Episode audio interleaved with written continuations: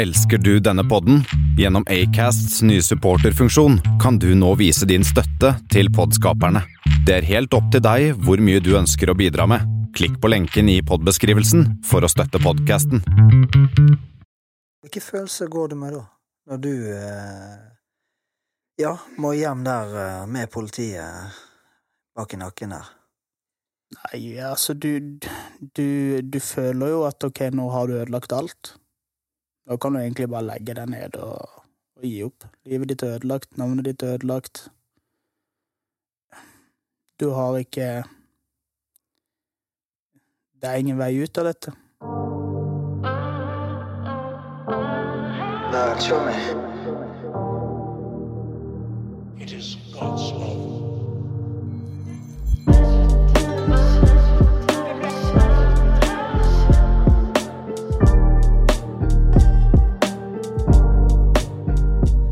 Hva det går i, hva det går i. Du, kjære podkastlyttere. I dag så har jeg en eh, gjest som eh, jeg, eh, jeg gleder meg til å bli mer kjent med denne karen. Han har opplevd noe som kanskje er skrekken for folk når man driver et eget foretak. Han ble nemlig da hengt ut og stemplet da i media i forhold til salg av biler, hvor det var en eh, sak rundt dette her. Eh, og eh, med andre ord så har han vært gjennom en stor prøvelse i livet på mange områder, på mange plan. Men før vi dykker mer inn i den historien der, så har jeg lyst til at vi skal bli litt mer kjent med Carl. Wiborg, som han heter her, fra Kristiansand. Velkommen til deg, Tjommi. Takk, takk.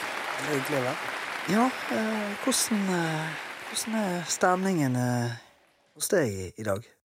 Jo, jeg begynner å få det veldig bra nå. Det har vært eh, to tøffe år, som du var innom. Mm. Eh, men det begynner å gå veldig bra igjen nå. Det gjør det. Det gjør det. Ja, og du Som jeg nevnte i introen her, så Du har vært gjennom en litt av en storm, altså litt av en prøvelse. Og det er ikke alle som Kanskje, hvis man kan si det, da, klarer å stå oppreist etter å ha vært eh, fått navnet sitt trykket frem i media. Eh, spesielt når det er negativ omtale. Mm. Eh, men livet ditt i Mm. forhold til det negative og utfordrende. For du har jo òg en, eh, en historie eh, og en oppvekst som eh, ikke bare har vært eh, like enkelt å deale med. Eh, Kan du si noe kort om det? Starta jo tidlig. Da jeg var ett og et halvt, så rømte vi jo fra min far. Så vi var på rømmen i litt over et år. Bodde på to forskjellige steder. I Norge og eh, utlandet. Eh, kom tilbake og egentlig bodde i Kristiansand siden jeg var tre. Eh, og har jo sånn sett hatt en grei oppvekst, men eh, mye mobbing. Eh, spesielt barneskolen, ungdomsskolen. Eh, to ganger i livet sånn at jeg sa ifra. Og da stoppa det veldig opp en god stund, og så kom det litt tilbake. Men, men litt eh, det du sa litt i, i innledningen der med at du, dere måtte rømme. Mm. Eh, Hva som gjorde det, da? Nei, eh, jeg har aldri fått sånn helt den hele historien, men eh, det gikk jo mye på min far, da. Han, han hadde sine utfordringer med både økonomi eh, Veldig kontrollerende, styrende. Tvang min mor til sånn sett å kutte ut nettverket sitt og, og egentlig bare være med han, da. Eh, og hun var jo kone nummer tre. Så vi er jo syv søsken. Syv søsken, ja. Det er litt av en eh, flokk. Det er jo rett og slett et syverlag på, eh, på fotballaget. Det. Det er det. Er det bare gutter, eller er det en god miks der? Er fire jenter og tre gutter. Å ja, såpass, ja. Fire jenter. Ja. Og uh, bor alle her på Sørlandet? Nei, um, egentlig alle mine andre søsken har bodd i Sogn. Sogn og Fjordane. Er du vestlending? Nei, jeg har alltid bodd her på grunn av min mor. Så det var ikke så heldig. Ah, så, jeg tenkte jackpot der, altså. Men eh, ja, har du vært i Sogn? Ja da, vært der masse i oppveksten. Har du det? Mm. Ja, vittig der. Jeg har faktisk vært en del inne i Sogn sjøl. Jeg, eh, jeg går way back. Ski. til min egen barndom. Nei, ikke på ski, faktisk. Det var på en bondegård der jeg eh, fikk eh, Ja, jeg hadde en stepappa, så det ble, det ble mye ut å hogge ved. Var veldig glad i å sende meg ut og hogge ved og ryddejobb. Ryddegutt, da. Ja. Men eh, nei, så dere er syv søsken, ja. Det, det, det, det er en god del å holde styr på. Det er det. Ja, Så det er det god eh, kontakt med søskenflokken? Ja, det er jo egentlig det. Vi har hatt god dialog hele oppveksten. Ja. Eh, min mor har vært en viktig rolle for mange av de. Ja. Eh, så det er jo derfor på en måte jeg heter Wiborg, for vi heter Wiborg alle sammen, selv om på en måte Ja. det er jo egentlig min far sitt navn, da. Okay. Ja. Så min mor holdt det jo helt til hun ble gift igjen. ja. Men eh, etter dere da eh, ja, bosatte dere og landet i Det var jo hvor i Kristiansand? eh, Jeg vokste opp på Søm. Søm, ja. Ok. Mm. Ja. Så så barneskolen, var det da du opplevde det med mobbing? Ja, egentlig begynte du allerede før. Jeg hadde egentlig bare én god venn i, i egentlig hele på en måte ja, fra jeg var tre til jeg begynte på skolen nå. Ja, allerede i barnehagen så var det Mm. Ok. Hva, hva, hva tror du som gjorde det? Litt var nok det at jeg var overvektig. Okay. Det var nok en del av det som gjorde det, så var jeg nok litt spesiell. Litt sånn tøff start på livet, kanskje. Ja. Ting som slo inn. Jeg har liksom alltid følt meg litt utafor. Litt annerledes. Tror du litt det at, eh, det at du ikke har hatt en uh, farsfigur? Eller, uh, eller ble, fikk du en uh, ny stepappa i livet? Det fikk jeg i tiårsalderen, men eh, fra treårsalderen så var jeg hver tredje helg hos, eh, hos noen. Ok. Og det er vel egentlig han som er ansett som min far, da. Ja. Han var det jo ja, hver tredje helg og kanskje litt til da hos i hele oppveksten. Eller fra treårsalder da til ti. Var det gjennom barnevernet? Nei, det var faktisk gjennom kirka. Ok. Eh, En som gikk der, og som hadde hatt litt sånn Hadde vært litt sånn storebrorprogramgreier. Eh. Så var jeg først hos noen, det funka ikke så bra, så kom jeg til han. Ja. Men eh, så hvordan var det å reise vekk fra mor og søsken og da vekk hver tredje helg? Forsto du noe av det, eller ble det bare en naturlig del av hverdagen din? Nei, altså for min del så, så ble nok det Du følte jo selvfølgelig litt på det, men, men for min del så ble det veldig trygt. Mm. Det er vel en av de sånn skikkelig trygge personene jeg har hatt utenom min mor, da. Ja. Eh, Det er jo Ja. Det er jo eh, på en måte en som har betydd veldig mye for meg. Mm. En som du har kontakt med den dag i dag? Ja. Ja. Men selvfølgelig mindre i dag enn Mm. kanskje det man skulle ønske. Men sånn er det jo. Ja. Men eh, nei, og så du, du Det startet tidlig, rett og slett, det med mobbingen, og, og eh, Var det noe du kunne Altså, det er veldig tidlig, sant, så det å kunne si ifra er jo kanskje ikke like lett for et lite barn som er på barnehagestadiet, liksom. Så blir du veldig utrygg. Sant? Du, du tar det jo litt inn på deg sjøl. Og det er jo noe som har forma meg i voksen alder. Brukt veldig mye av tida mi på å prøve å passe inn. Altså bli likt av andre. Det har alltid vært en veldig viktig Ja. del av mitt liv. Jeg pleier alltid sagt de siste tre årene at jeg har veldig stor eh, Skal jeg si for noe eh, avstand mellom selvfølelse og selvbilde. Eller selvfølelse da, og selvtillit. Ja. Veldig mange oppfatter meg som en eh, veldig trygg person, veldig Ja, vet hva jeg vil, ikke redd for å si fra. ja. Men eh, jeg har alltid den andre tanken samtidig. Ja, du er ikke redd for å si ifra? Ja. Var det noe du Når lærte du deg det å klare å si ifra, da? Nei, det var vel egentlig da jeg begynte å jobbe som leder. Eh, Det var da jeg egentlig lærte det, så det var jo egentlig voksen alder. Mm. Men veldig mange oppfatter meg jo derfor som veldig trygg i meg sjøl. Ja, på, så når du fra barnehage til barneskole og ungdomsskoleårene, eh, var det òg eh, et sted der du kunne si fra? Hvis du Nei. følte deg urettferdig behandlet? Nei, stort sett ikke. Stort sett så følte jeg at det var min skyld. Eh, Og, og tok egentlig på en måte heller ikke sa ifra. Så gikk heller stille i hjørnet og tok det til meg. Jeg husker i åttende klasse så ble jeg tatt bak eh, brakka på skolen. Tre tiendeklassinger som dro meg med bak, skulle banke meg. Jeg sto bare og tok imot, og så når de var ferdige, så gikk jeg inn og lot som ingenting. Så du fikk rett og slett en omgang med juling? Mm. Var det ingen lærere som klarte å få med seg at du ikke hadde det greit? Eh, nei, skolen var egentlig hovedsakelig for min del eh, beskjed fra lærer at man ikke var god nok, ikke fulgte med nok, Ja. eh, ikke gjorde det man skulle, og Jeg ble testa flere ganger. Jeg lå liksom akkurat rett over god nok til å ikke få hjelp.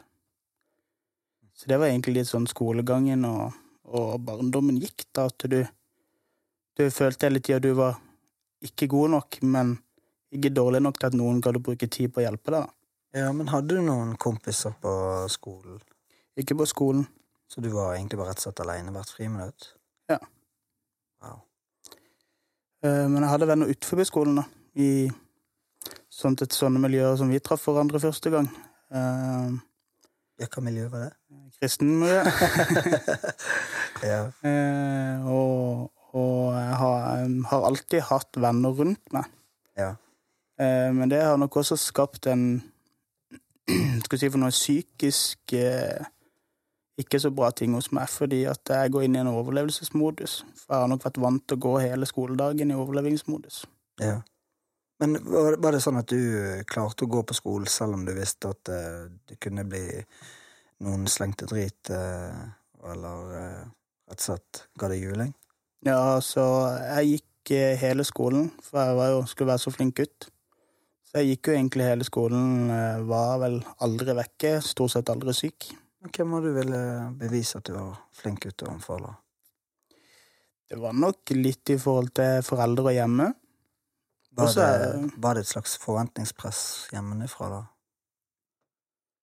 Kanskje ja, det var nok det, men ikke på en måte kanskje ment slemt. Eh, mer det at eh, alltid sett min mor jobbe veldig mye. Selv når hun hadde meg, sov jo mye eh, to-tre netter i uka hos andre.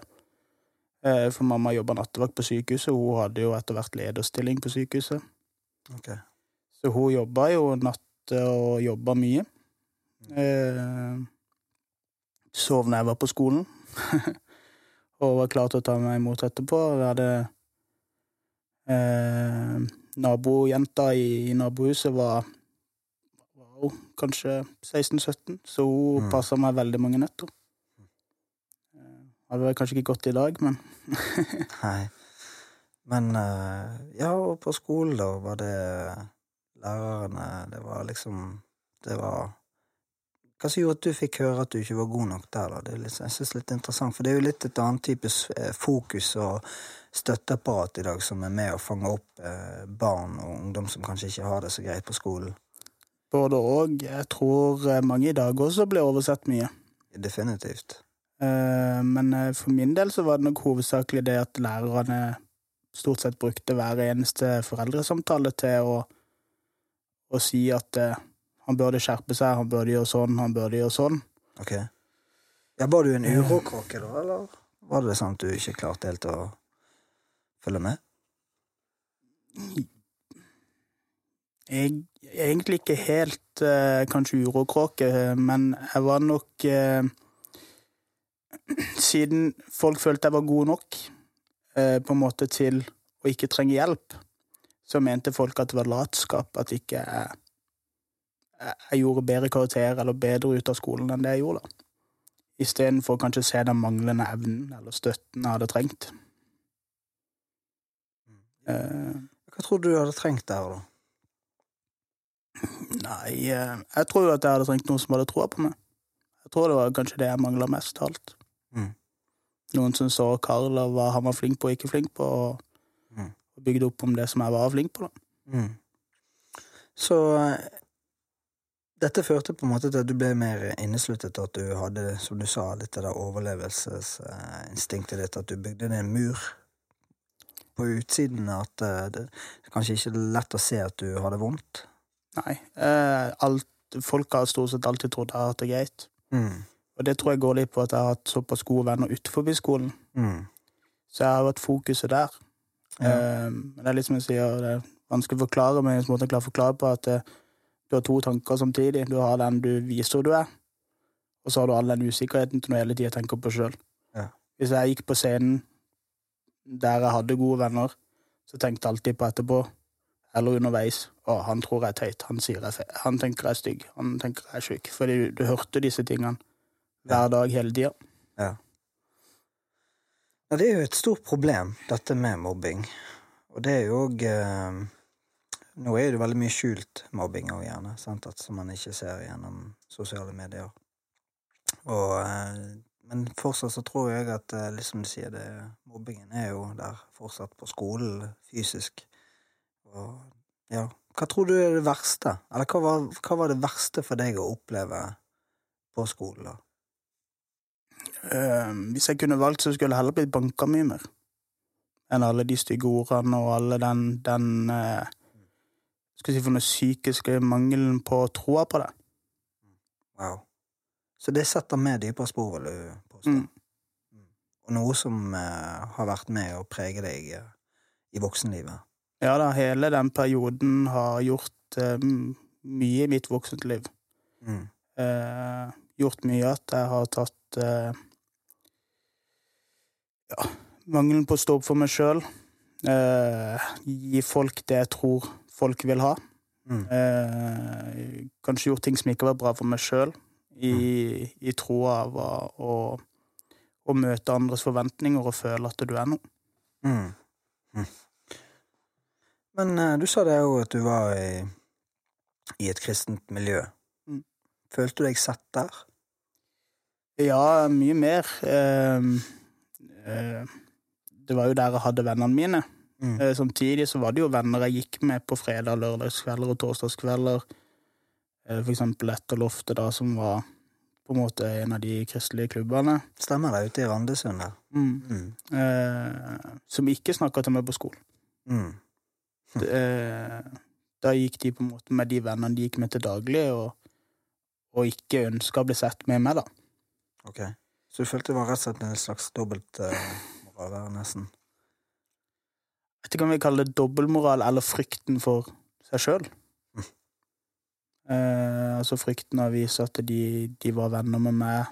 Mm. De var redd for hvilke konsekvenser det ville gitt de sjøl. Ja. ja, for du er der Vi er jo litt sånn der uh, saueflokken. Føler gjerne flokken der det er de kule, fete, de som er populære. De vil folk henge med. Mm. Og du sier jo sjøl, Herlig, at du egentlig ikke følte så veldig populær. Var med ensom. Mm. Uh, men uh, hva andre Hva er det som eh, Igjen tilbake det med at du klarte å gå på skolen. sånn. For du, er, du fremstår jo en som er opptatt av å please folk rundt deg. Mm. Og, eh, men sjøl går du rundt og har det veldig vondt. Mm. Uh, hva, hva, hva annet var med å hjelpe deg uh, til å klare å stå oppreist? For jeg har jo en annen bekjent i, som har opplevd veldig grov mobbing, som gjorde at han faktisk ikke klarte å gå på skolen på flere måneder. Jeg, jeg tror for min del så var det bare det at skole og jobb, det har jeg lært siden jeg var liten, at det skal du gå på uansett. Uansett hvordan du føler Ja. Ja. Er du gørrsjuk og går dårlig, så er det greit å være hjemme, men da skal du heller skal du være så dårlig at du skal egentlig ikke gjøre noen ting etterpå. Eh, Jeg vokste opp i et, på en måte i et hjem hvor er du syk, så er du syk, da er du så syk at du ligger hjemme. Mm. Da kan du ikke gå ut på Sørlandssenteret etterpå, liksom. Nei. På Sørlandssenteret kjøpe seg en god Big Mac, eller Mm. eh, Ja. Så det er nok en arbeidsmoral jeg har hatt med meg eh, fra min mor, da, som har veldig stor arbeidsmoral. Mm. Eh, og det er jo det som redda kanskje hun når min far gjorde det han nå gjorde. Min mor satt jo igjen med sikkert to-tre millioner i gjeld på 80-tallet, når min far stakk. Eller vi stakk fra min far, og så han reiste etterpå, da. Og hun satt igjen med hus og firma og det som var. Så, Det er nok der det kommer fra. Ja. Eh, og, men eh, som familien, sant? du har skolebiten, og så når du kommer hjem og sånt, hvordan var det å være Carl hjemme? Nei, altså i, ehm, i familielivet hjemme så har på en måte alltid hatt det jeg har trengt. Mm. Eh, sånn hvis du tenker tøy, mat Alle disse praktiske tingene, da. Mm. Jeg har jo alltid hatt ei mor som har vært glad i meg, jeg kan ikke si noe annet enn det. Eh, og eh, med det hun har hatt, så har hun nok alltid gjort det beste hun kunne. Eh, derimot så, så har jeg jo selvfølgelig kommet inn i en stefamilie i alderen av ti-elleve år. Og eh, det er jo Det kan jo ofte være tøft. Mm. Eh, Kommer inn en ny person som skal ta del i livet ditt og bestemme hva du skal gjøre. og Mm. så jeg hadde jo noen år i ungdommen hvor jeg nok eh, lagde mye ekstra leven, da. Ja, hjemme? Ja, hjemme og ute og Ja. Hva legger du i det? eh, Legger nok i det litt det at eh, At eh, jeg prøvde vel kanskje på min måte å fortelle at jeg ikke hadde det så greit. Mm. Selv om jeg, jeg har gode minner og har vært i Danmark, og gjort ting, eh, så har det likevel vært ting som, som har satt dype spor, da, i forhold til, til det å kanskje få en stefar og det å få en stefamilie, da. Ja. Men han stepappaen din, var det en som uh, følte han prøvde, da, eller vise deg at han brydde seg, eller var det Det gjorde han nok. Ja. Var det litt det at når du sjøl savner en pappa, altså som er der for deg, uh, var det litt det som gjør at det var vanskelig for deg å, å slippe han på en måte helt inn i livet ditt? Der har jeg nok heller vært litt for motsatt. Altså, jeg har vært sånn med mye mannlige figurer at jeg har nok latt de få lov til å komme veldig fort inn i livet mitt og hatt behovet for å kanskje føle litt på den pappafølelsen, da. Mm. Så er det kanskje heller det. Mm. At jeg, jeg hadde håpet han kanskje skulle være enda mer min pappa. Mm. Ja, så det er egentlig rett, rett og slett en uh, sårbar Carl som uh, trenger en uh, farsfigur i livet sitt, Mm. som du kan se opp til. Var han en du kunne se opp til? Ja, nei, det må jeg jo si. Han har vært snekker og drevet eget snekkerfirma i mange år, og sikker på at en del av tankene mine rundt det å drive bedrift og sånn, har kommet fra han og min onkel, da. Mm. Min onkel var en veldig stor forbilde for min del. Ja, hva drev han med, da? Han eh, var en av de første som tok dataingeniør på NTU. Okay. Reiste til Canada og lagde datafabrikk. Yes. Produserte PC-er. så fett. Og i en alder av noen og 40 vel solgte selskapet for god slant med penger og reiste på en gård og leiv eh, livets glade dager. Ja. Kosa seg. Ja. I Sogn. Nei, det var i Canada, faktisk. Ja, det var ja, fortsatt i Canada, ja. Ja. Han vil ikke tilbake igjen? Nei, Nei, nei, nei. kom aldri hjem igjen. Nei, men det, det virker jo som at du eh, har eh, noe av lærdommen eh, sant, eh, i utfordringene dine. Så har du i hvert fall sett det der med å gi en, eh, en vilje til å, skape. Eh, vilje til å overleve. Og at eh, resultater kommer ikke seg sjøl, man må jobbe for det. Eh, og nå når du sitter her, og, eh, så tenker jeg det er fin eh, eh, ja, fint å kunne nevne litt dette her med Du har jo drevet eh, sjøl, og driver nå eh, med å drive et selskap. Eh, men før etableringen av eh, bilforretningen i eh, Kristiansand, hva gjorde du før det? Jeg er jo en kar uten, uten utdannelse, så jeg har egentlig jobba helt siden videregående. Jeg jobba meg egentlig opp ifra å feie verkstedgulvet til å bli prosjektleder. Og så etter det avdelingsleder i en industribedrift. Hvor da egentlig jeg fikk litt den ekstra lysta på å, å starte eget selskap. Eh, Og har da egentlig drevet stort sett egne selskaper siden 2016. Siden 2016. Ja, hva, hvilke type selskaper har du drevet nå? Eh, Det første vi drev var formidling og innenfor industri. eh, Hvor vi har leid ut personell og utstyr for prosjekter. Ok. Eh, Etterpå så, så jobba jeg med eiendom. Og en del relasjonskontakter i utlandet. Det er jo relasjoner jeg syns er gøyest. Som du, som du sa, jeg liker å please mennesker. Jeg syns det gøyeste er å jobbe med mennesker. Mm. Både i og utenfor Norge. Mm. Og det er jo ganske fett i og med at eh, det som har vært en eh, stor utfordring, er blitt en ressurs da, i livet. Det er det med mennesker. Så vil du si at du er god på relasjonsbygging? relasjonsbygging? Det er nok en av mine største styrker. Um, det som jeg litt sa tidligere, sa tidligere at eh, eh, hvis jeg kom inn til et jobbintervju, så fikk jeg alltid jobben. Ja. Ja. ja, hva er det som gjør Hva er din eh, Hva skal vi kalle X-faktor med Carl Wiborg? Jeg tror jeg bygger tillit lett. Ja. Eh, for jeg er nok en person som, som møter de de jeg prater med. Ikke sant? Jeg har venner alltid fra president i MC-klubb til, Mm.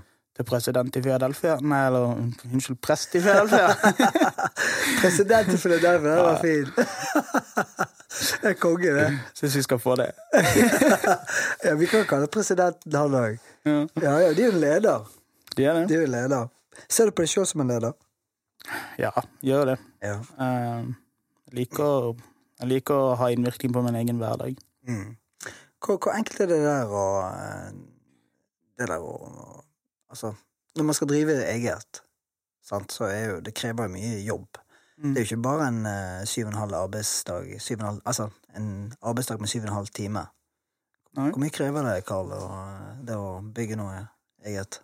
Kommer litt an på hva du jobber og hva du vil. Jeg har nok vært litt stormannsgal, pleier jeg å kalle det. Ok? Eh, Tidligere så har jeg alltid hatt lyst til å bygge størst. Bli den nye Stordalen. Å ja. Det er der det har uh, eh, har, har han inspirert deg? Ja, det har han. Ja. Uh, og og uh, Før var alltid målet å bygge stort, stort. Jeg har vært med og bygd Norges største allianse med Tess Servi, store selskaper i 2015 sammen med en i Ok? Eh, Vi bygde sammen en gruppe som omsatte for rundt 89 milliarder. Ja. Eh, og eh, alltid det der med suksess har vel egentlig lokka meg mye, både på godt og vondt. Mm. Eh, men jeg, jeg har jo også prøvd vanlige jobber, Ja. og det, det har ikke funka for meg. Nei. Jeg går lei. Du går lei. Ja. Så du er litt sånn prosjektbasert type, du, da. Mm. Du, er, du, du kan fort gå lei av ting, sant? så må du ha noe nytt. Er det litt denne rastløsheten som ikke Vet du helt konkret eh, dette her, dette brenner for? Hva, hva, er det, hva er det Carl brenner virkelig for? Det er, jo, det er jo på en måte salg og utvikling er nok det jeg brenner for. Ok, Eh, Uavhengig hva, liksom? Hvis man ser på, på businessverden, da. Ja. Hvis man ser som person, så brenner jeg nok for mennesker. Mm. Eh, og det er jo også litt farlig, fordi at uh, jeg setter meg sjøl i dumme situasjoner, og ikke bare gjort det én gang. Uh, fordi at jeg ønsker å please folk, Mm. og føler meg ønska, sett. Ja.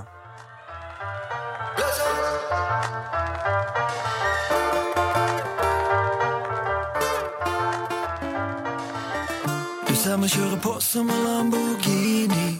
Svever som Lamborghini. Ingen stress hvis du vekker meg tidlig. Gjør det her for min kompis smidig. Livet blir bedre med årene, og det er helt greit å vise frem kårene. Alle kan Og det er litt av det eh, Jeg tenker den saken her nå som eh, tok helt av, og det var eh, frontsiden i Mm. Og da eh, leser jeg eh, det her. Daglig leder, styreleder Einar Bilsenteret Sør AS, Carl André Aasar Wiborg, er siktet for grovt underslag av penger tilhørende kundeselskapet. Og så står det videre om dette her med at uh, du sier jo sjøl at jeg ser på meg sjøl som uskyldig og blitt en brikke i et større spill. Uh, og det, når du er opptatt av å bygge gode relasjoner og, og det å ha tillit Det må ha vært en eh, sinnssyk påkjenning. Der står du i front på ja, Sørlandets uh, største avis, er ikke det det? Jo, det er jo det. Ja. Og uh, du er en familiemann, sant? Du har uh, venner, du har folk rundt deg. Hva skjedde her egentlig, Karl? Nei, altså det som egentlig skjedde, var nok mitt ønske om å oppnå suksess. Jeg gikk vel kanskje litt foran det å, virkelig tenke seg om hva man gjorde. Mm. Så jeg gikk inn i et selskap, eh, og tok et ansvar jeg egentlig vet fra før at ikke jeg egentlig burde tatt. Mm.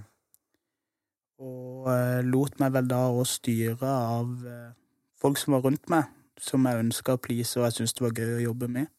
Mm. Og utfallet av, det ble jo det som står i avisa der, eh, hvor på en måte bobestyret mener at eh, han har gjort bevisst svindel, og man har eh, tatt folks penger. Mm. Og det er jo en ting som, som på en måte jeg enkelt kan dokumentere at jeg har jo ikke tatt ei krone. Nei. Eh, men samtidig så, så, så må jeg jo også være voksen nok til å innse at ok, jeg tok to verv.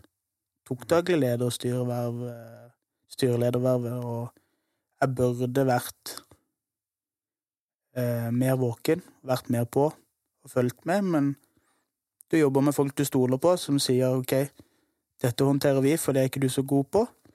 Dette håndterer du. Mm. Og så lar man tilliten gå, da. Og det er jo kanskje litt min minus, på grunn av at jeg ønsker å bli så gjerne likt. Sett å få til ting, da. Så Så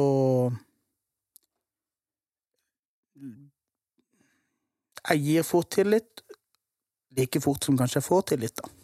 Mm. Det har satt meg i mange dumme situasjoner i mitt liv.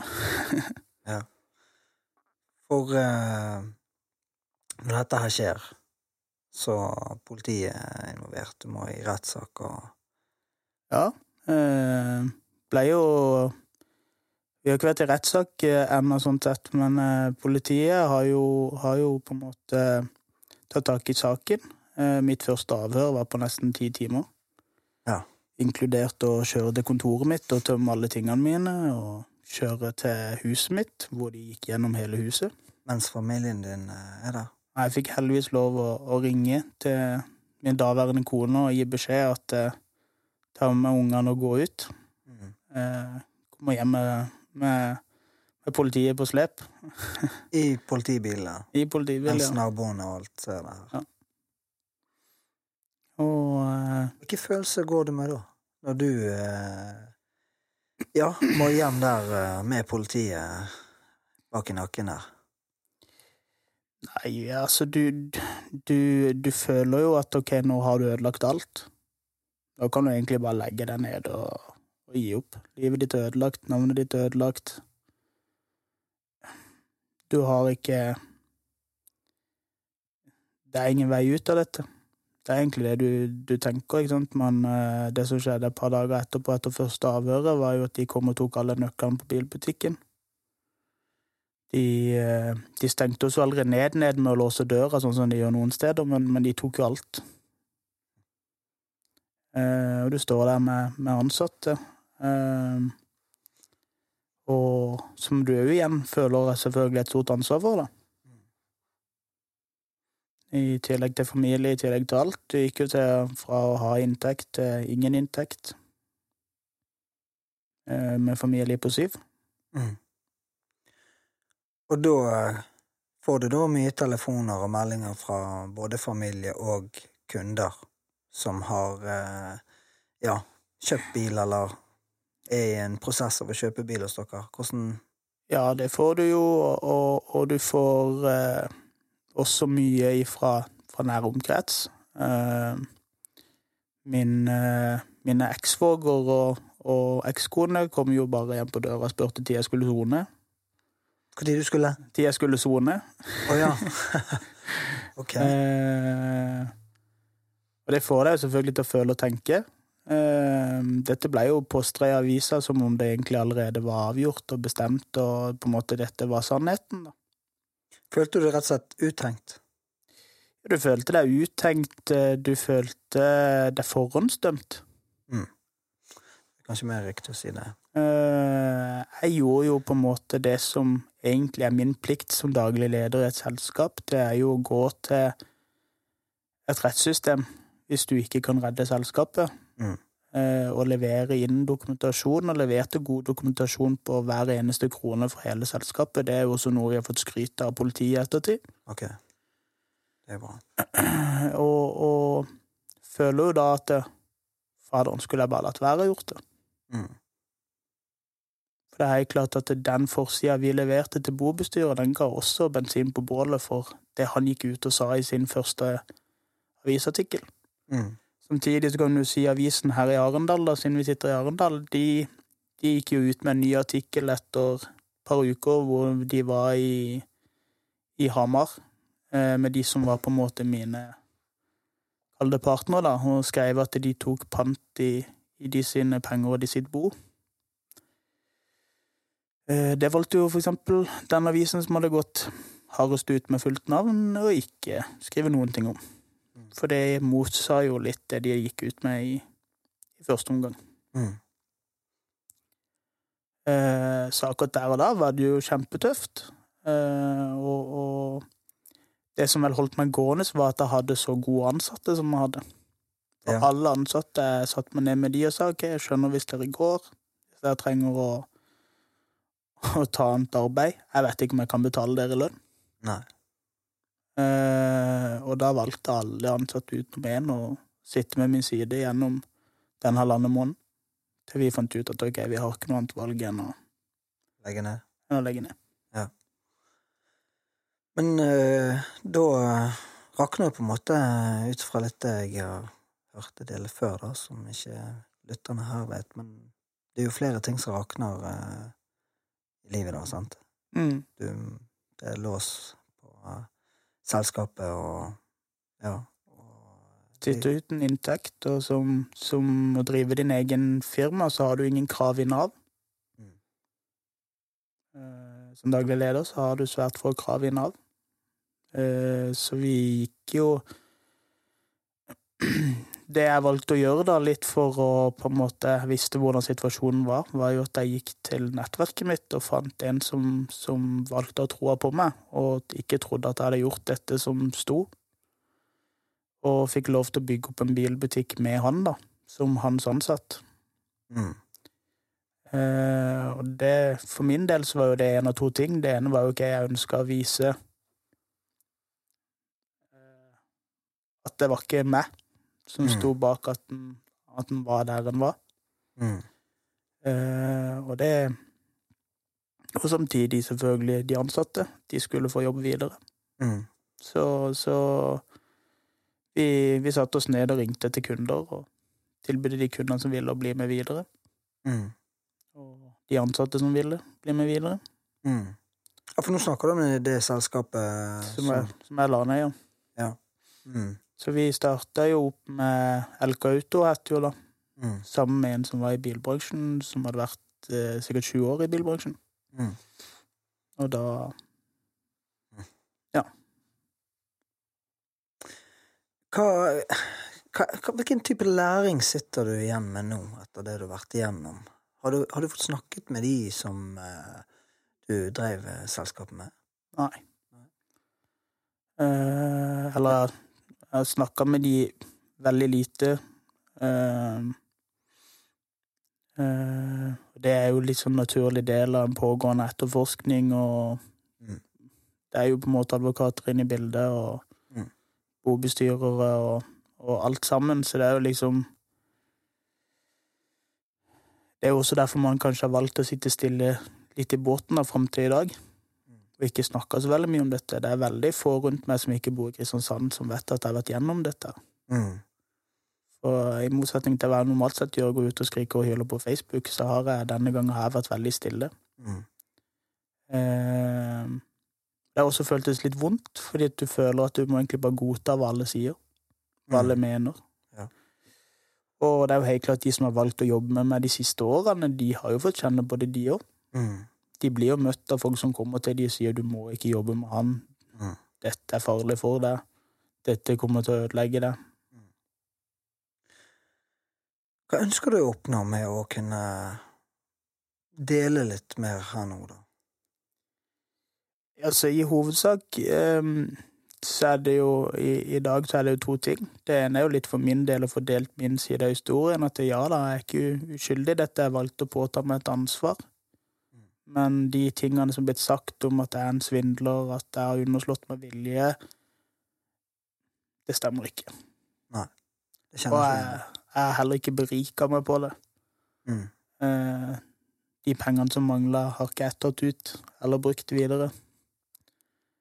Eh, og det andre er vel det å vise andre som dessverre kommer i samme situasjon. For det er jo kanskje noe av det som har vært mest spesielt med denne situasjonen. Det er jo kanskje de folka som har kontakta deg, som du kanskje aldri ville trodd hadde kontakta deg, sier vet du hva, det her har vi vært igjennom sjøl, og Ja, for det er noe med det å, det å Det er veldig mange som hadde gått helt i kjelleren. Uh, ja, med det du har stått i. Og så kan jo noen mene ja, men det fortjener personen, og, og noen andre tenker ja, men stakkar, gi henne en ny sjanse. Uh, jeg tenker jo alle mennesker, altså vi, vi alle kan feile og bomme. Og, og jeg hører jo mellom linjene her, du sier jo at du, du tar ansvar for rollen som du påtok deg. Det syns jeg er en fin ting at du sier. Eh, og så er det der med at det er en læring her, sant. Og, eh, hva, hva, hva tenker du er noe av det viktigste som er viktigst for deg nå når du skal på nytt prøve å bygge tillit til kunder og potensielle samarbeidspartnere? Ja, så det er jo eh, i hovedsak vise hvem jeg er, med de videre tingene jeg gjør. Mm. Eh, Jeg har nok, er nok mye mer i dag obs på hvem jeg er, Mm. enn det jeg var for to år siden. Eh, Jeg har gått ifra å være en som bryr meg veldig mye om hva alle andre sier og mener, Mm. til å faktisk eh, kanskje bry meg litt mindre om det. Mm. Eh, Og det har vært bra for meg, fordi jeg har jo til og med lyvd for å bli likt. Mm. Lyvd for å se suksessfull ut. Mm. Fett at du tør å si det. Eh, og det er kanskje noe av det som har ødelagt livet mitt mest. Mm. Den behovet for å være likt sett, Ja. verdifull for andre. Mm. Det, det er nok gode grunner til både skolen og jobb i ettertid at jeg har holdt ut. Ja. Behovet for Altså, du skal se at jeg lykkes. Mm. Du skal ikke se at jeg feiler. Mm. Og i forhold til det med å å- Ja, det å feile og stå på bar bakke, også nå eh, hvor, hvor, hvor sitter det Hvor langt inne sitter dette her med å Klipper vekk dette her, det blir feil spørsmål. um, I den prosessen nå her ved å stable seg på beina igjen, hvem har vært eh, viktigste bidragsyter der? I forhold til det å ha noen å prate med og Eh, Når jeg gikk inn i situasjonen, så fikk jeg en som het Josef, som kom inn i livet mitt. Eh, Han gjorde nok mye for meg hele situasjonen. For hver gang jeg fikk et slag i trynet og kom og fortalte han at shit, nå fikk jeg konkurskarantene. Shit, dette skriver bobestyret, så sier han. Det er jo ikke noe. Jeg opplevde det.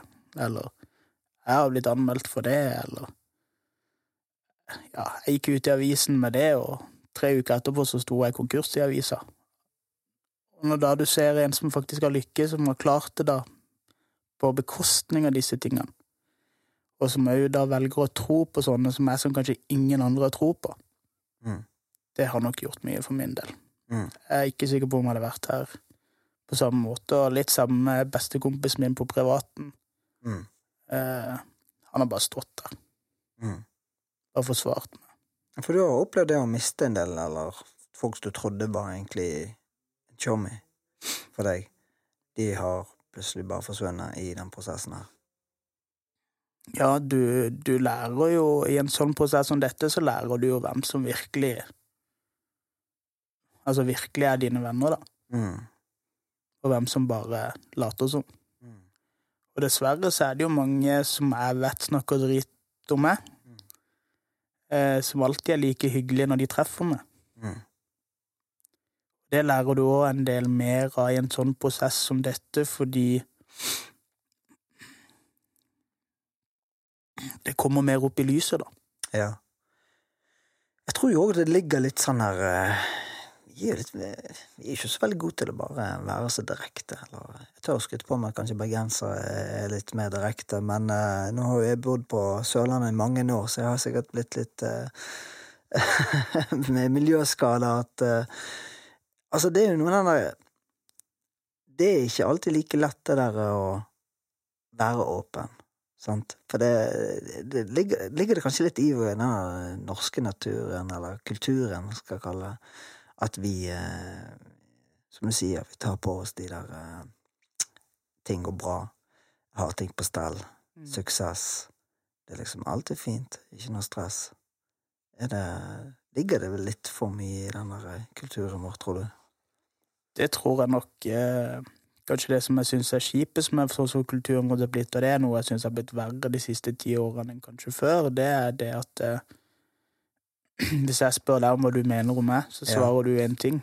Eh, hvis han spør når jeg har gått ut av rommet, Ja, så, så svarer du en helt annen ting. Ja.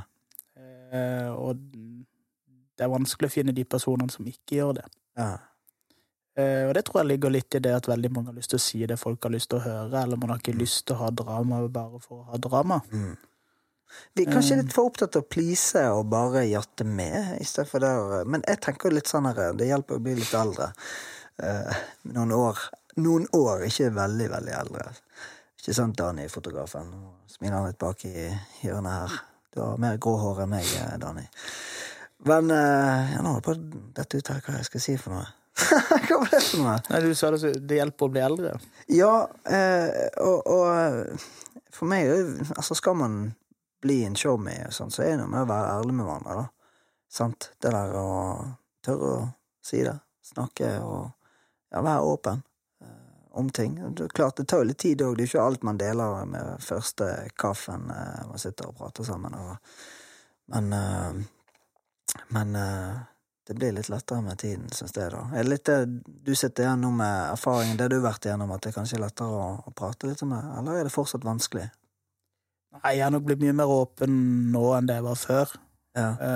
Um, det kommer nok litt av at det, det er kanskje nå første gang jeg begynner å bli litt sånn at jeg ikke bryr meg så mye om hva alle andre mener.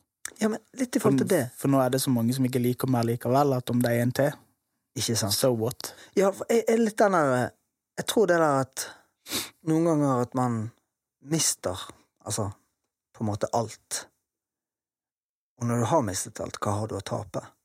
Det Er litt den der at du ikke Da føler han seg ikke så redd lenger, eller frykten for at eh, jeg skal ikke bli så likt av den eller den. Du, du følger hjertet ditt, da, og følger drømmen din. Ja, eh, det er nok litt i det. At eh, du kan si det at når jeg kommer ut av, av det der dritthullet etter avisartikkelen kom ut, og du føler på en måte at alt er tapt, og så møter du sånne som Josef, eh, Ja, jobber også med en som heter Huba, ja. og, og de faktisk har tro på det, Mm. så blir det mye viktigere for deg enn de ti som ikke har. Bedre å ha én eller to enn ti-tjue. Mm. Det er helt enig. Ehm, livet nå, da. Sant? For det, du har jo Du sa sjøl, sant. Det er ekskone, og det er ny business. Det er Det har skjedd mye. Føler du at du er på et godt spor nå? føler at jeg er på et godt spor, men jeg kan nok si mer enn noen gang før, så er det nok også mer eh, Det er vanskelig å stole på folk. Ja. Fordi du har vært gjennom det du har vært gjennom nå. Og både en kombo med kanskje barndom og det har blitt mye mer obs kanskje på hva som var barnedom, og egentlig helt til det at min far svikta meg, eh, på en måte, og vi måtte stikke fra han, da. At, eh, og etter det så hørte jo ikke jeg fra han, og traff ikke han før jeg var 3-34. Mm. Og det var 32-34, så traff jeg aldri min far. Har du kontakt med han i dag? Eh, han døde for litt siden, men jeg hadde kontakt med han de siste par-tre årene. Ja. Kondolerer. Hva- Altså, du har jo vært gjennom en del da, Karl. Det er jo tett på dette her som skjedde òg i uh, firmaet, sant. Det å bli hengt ut, og så har du mistet pappa rett før det òg. Ja, det var noe etterpå. Det var faktisk nå i januar, eh, i februar i år. Ja, nå rotet jeg veldig her. Jeg tar det der må jeg klippe vekk. Hva du sa rett før jeg sitter, altså? Mister det der. Det var nå, nå? Jeg synes du sa Nå i februar, ja. Det var nå i februar du mistet Mm. han, ja. Stemmer det! Mm. Hallo, du var i begravelse. Herlighet. Ja, der ser du min ADHD igjen. Den flyr av gårde. Kan ikke huske alt. Nei, nei, nei, nei. Men eh, ok. Uh, ja. Det er det som er fordelen når man driver produksjon, at man klipper. Uh, ja, Karl, du, du mistet jo pappaen din her nå i februar. Og du står på en måte helt på nytt, da. Det er en restart, reset, refocus. Det er noe jeg sjøl har eh, kjent på i livet. eh, og når du da nå har vært gjennom alt det du har vært gjennom, kjenner du at du kan, kan du se positivt på fremtiden? I, I dag kan jeg det. Ja. Eh, men jeg ser nok også veldig annerledes. Jeg har ikke lenger det behovet for å bygge, bygge noe stort. Eh, mål og drømmen min nå er å bygge noe bra for meg og ungene mine. Preach. Eh, bygge noe som gjør at eh, har de lyst til å bli filmstjerne og flytte til Hollywood, så kan jeg sponse det.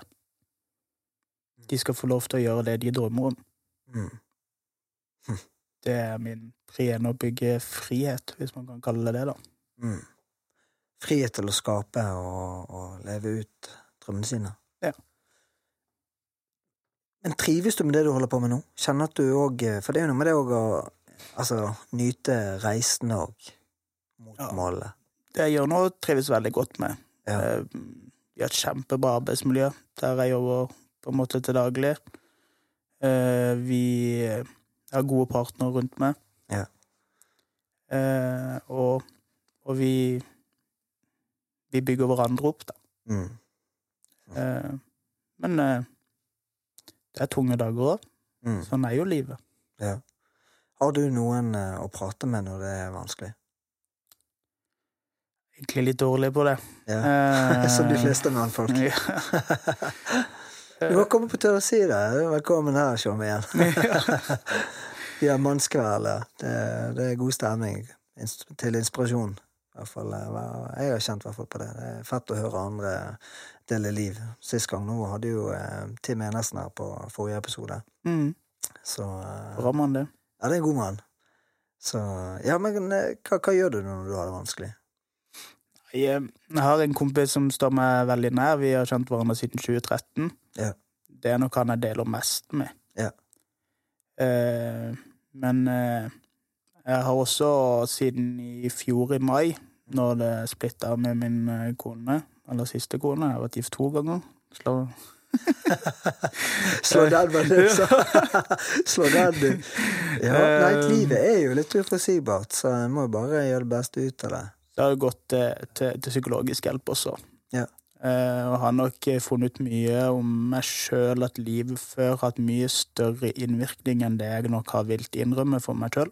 Så bra. Du, preach. Jeg eh, gir en applaus der, for det, det at du bare sier det og, og tar ansvar, jeg synes det, det får jeg veldig respekt for. Det er nok, eh, som sier, den ønsket om å please har gjort at man kanskje heller har lyvd, og man har på en måte Mm. ja, valgt de lette veiene, hvis man kan si det. Ja. Gi folk det de vil. Litt som du var inne på òg, at man pleaser mer enn man Og da glemmer man å være litt i kontakt med seg sjøl og være ærlig med seg sjøl. Det det, det, det, det er fort gjort at man kommer inn i et mønster, da. mm. Um, jeg syns det er veldig fint at du har delt eh, flere av de tingene, Karl. For det, det er nok mange der ute, og spesielt menn, da, som kjenner på et eh, press på at du skal prestere, og du skal være en som pleaser og mestrer og fikser. Og, og så glemmer man litt å være i kontakt med seg sjøl òg, og da er det fort at ting kan rakne. Om det enten er familie eller et firma som man drifter. Så eh, jeg tenker du sitter igjen med mye lærdom i det du har vært igjennom nå? Er det litt det der nå at det er litt mer baller nå til å tørre å ta ansvar og, og være ærlig med seg sjøl? Ja da. Eh, Men det er fortsatt en god vei å gå. Mm. Eh, jeg er ikke der jeg, jeg ønsker å være. Men, men eh, for det er nok kanskje litt eh, dette, dette her i dag for min del, det er på en måte litt eh, det der jeg setter ned beina til nå Mm. Nå skal jeg bli han jeg alltid har hatt lyst Mm. til å bli. Mm. Eh, og så har jeg lyst til å dele. Mm. At folk skal få vite at det er mer vanlig enn kanskje det folk tror. da. Ja. Å gå rundt med disse følelsene og, Mm. og Ja, som du sier, man bør bli flinkere til å tørre å si det og på en måte Mm. snakke sammen, da. Mm. Ja, Utrolig fint å høre du deler der, Karl. Eh, Jeg har òg noen sånn faste spørsmål som jeg eh, går sånn litt sånn kjapt gjennom på slutten. Mm. Eh, tror du på Gud? Eh, Jeg vokste opp i et kristent hjem. Eh, Jeg tror eh, på Gud, det gjør jeg. Eh, Men jeg er nok frasteg en del fra troa mi fra rundt 20-årsalderen. Eh, Jeg tror at Gud er en far. Eh, Og Bibelen er en veiledning som en far vil gi til en sønn eller en datter. Og kanskje ikke helt sånn som det mange kirker ønsker at man skal se på en bibel. Jeg tror det er mer en veiledning enn en, en eh, Kall det lov, da. Ja. Hvordan preger troen din i hverdagen, da? Eller hvor viktig er, er troen din nå versus eh, ung og 20-årene, hvor det var litt opp og ned? Altså, I ungdommen så var jo troen veldig viktig. Vi han reiste jo på impuls og sto jo og sang lovsanger og ja, ja, ja. Og Jeg har vært der noen ganger sjøl. Ja. og gjorde liksom Gjorde Jeg tror faktisk jeg var der og så på den når du sang. Nei, Jo, jo. snakker vi så lang tid tilbake? Ja, ja, ja. Dette, Trenger ikke si tallet her på, eh, på i, i opptaket her. Det, vi kan hviske til meg etterpå. Eh, og så eh, Så der var jo tro veldig viktig. Mm. Og det var jo også det vennene mine stort sett var i, selv om jeg alltid har hatt eh, alle miljøer, da. Ja. Men i dag så er det nok ikke så viktig. Eh, det er nok en mer en, en veiledning enn noe annet. Å ha noe at det er noe som skjer etter den dagen du dør, da. Så bønn, det er det Hender at du ber litt innimellom og Det er jeg dårlig på. Ja. Men nå når du opplevde den smellen eh, med firma og alt dette her, kjente du noe da i forhold til troen din? Nei. Det var nok heller mangel på Altså, jeg tenker jo Eh, Jeg tenker jo igjen at eh, det er min feil. Det var jeg som valgte å være dumsnill.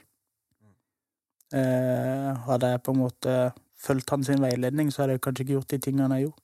Mm. det er noe, jeg tror litt på det at man kan be om, å, be om visdom. Mm. Det er ikke alltid like lett. man vet kanskje med fornuften og hjertet sitt og eh, får en veiledning der eh, ovenfra at det bør gjøre sånn og sånn, og så trår man litt feil. Ja. Men eh, det fine med troen, tenker jeg, er jo at eh, for det første det er tilgivelse. Vi er verdifulle, og det fins håp. Så, eh, men så er det litt det som du sier, det, det er noe med at man må ta steget, ta ansvar. Så eh, du har jo snakket litt om dette her med suksess. Så hvis du kan oppsummere det, hva betyr ordet suksess for deg, eh, Karl? I dag så betyr det for min del det å kunne styre hverdagen litt sjøl. Friheten. Eh, kunne velge å ta en dag hjemme med dattera si hvis hun har lyst til det. Preach.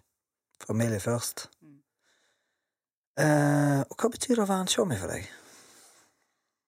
Det betyr å, å kunne være der for vennene sine. Mm. Eh, sånne små ting som for eksempel skal de flytte. Hjelpe Mm. de å pakke og hjelpe de å flytte. Eh, trenger de noen å prate med, så kan du være der. Mm. Eh, Kanskje det som jeg syns mangler mest av i dag, det er faktisk folk som er der når det er vanskelig. Mm. Veldig mange folk har lett å være der når det er lett. Mm. Det tror jeg er noe vi alle kan bli flinkere på når vi ser noen sliter istedenfor å snu det i ryggen. Mm. Faktisk bare sende den ene meldinga, og det var det folk som gjorde til meg når jeg sto i avisa. Vi har troa på det. Dette er ikke sant. Den tror jeg er viktig. Jeg tror kanskje det har vært med å redde deg på en måte òg. Du sitter her og er på vei opp igjen. At du har fått noen eh, små eh, frø som har vært med å gi deg en eh, ja, troen på deg sjøl og livet. Det ikke mye jeg ga troen på meg sjøl, men, men det ga i hvert fall for en da som setter det hva andre mener og føler høyt, så satte i hvert fall følelsen at, det at eh, en kan ikke gi opp. Veldig viktig du sa der. Folkens, ikke gi opp. Uansett om du har bommet på målet, reis deg igjen. Og jeg tror òg at uh, Det er et fint bibelvers som har preget meg i mange år. Filipperbrevet 4.13. At alt makter ved ham som gjør oss sterk. Og uh, det handler om å ikke gi opp. 100 Det syns jo du, Karl. uh, Du viser jo en enorm styrke bare det å sitte her og dele. Og i forhold til dette her konseptet med tør å si det, hvor viktig er det, spesielt da for oss gutter og menn, å tørre å si det, og være ærlig om livet? Jeg tror det er veldig viktig, eh, og jeg tror det er altfor lite av det. Eh, Og jeg tror det Jeg var jo med på den første kvelden din, hvor du hadde en ganske tøff type som hadde gjennomgått mye. Eh, Jeg tror å fortsette med sånne ting vil gjøre at det blir lettere for folk å dele. Det blir mer vanlig. I dag er det jo helt uvanlig at vi menn snakker om sånne ting. Ja, selv om det er mye mer på agendaen, og det er mye mer åpenhet, og man ser det litt mer og mer at det vokser fram at det der eh, Ja, eh, psykisk helse, sant, det er jo veldig Kall det i vinden, da. Mm. Men allikevel, det er noen steg å gå før man uh, sitter da og deler liv, sånn som vi to sitter her nå, og, eller hvor du deler livet ditt, da. Helt klart, det er jo det.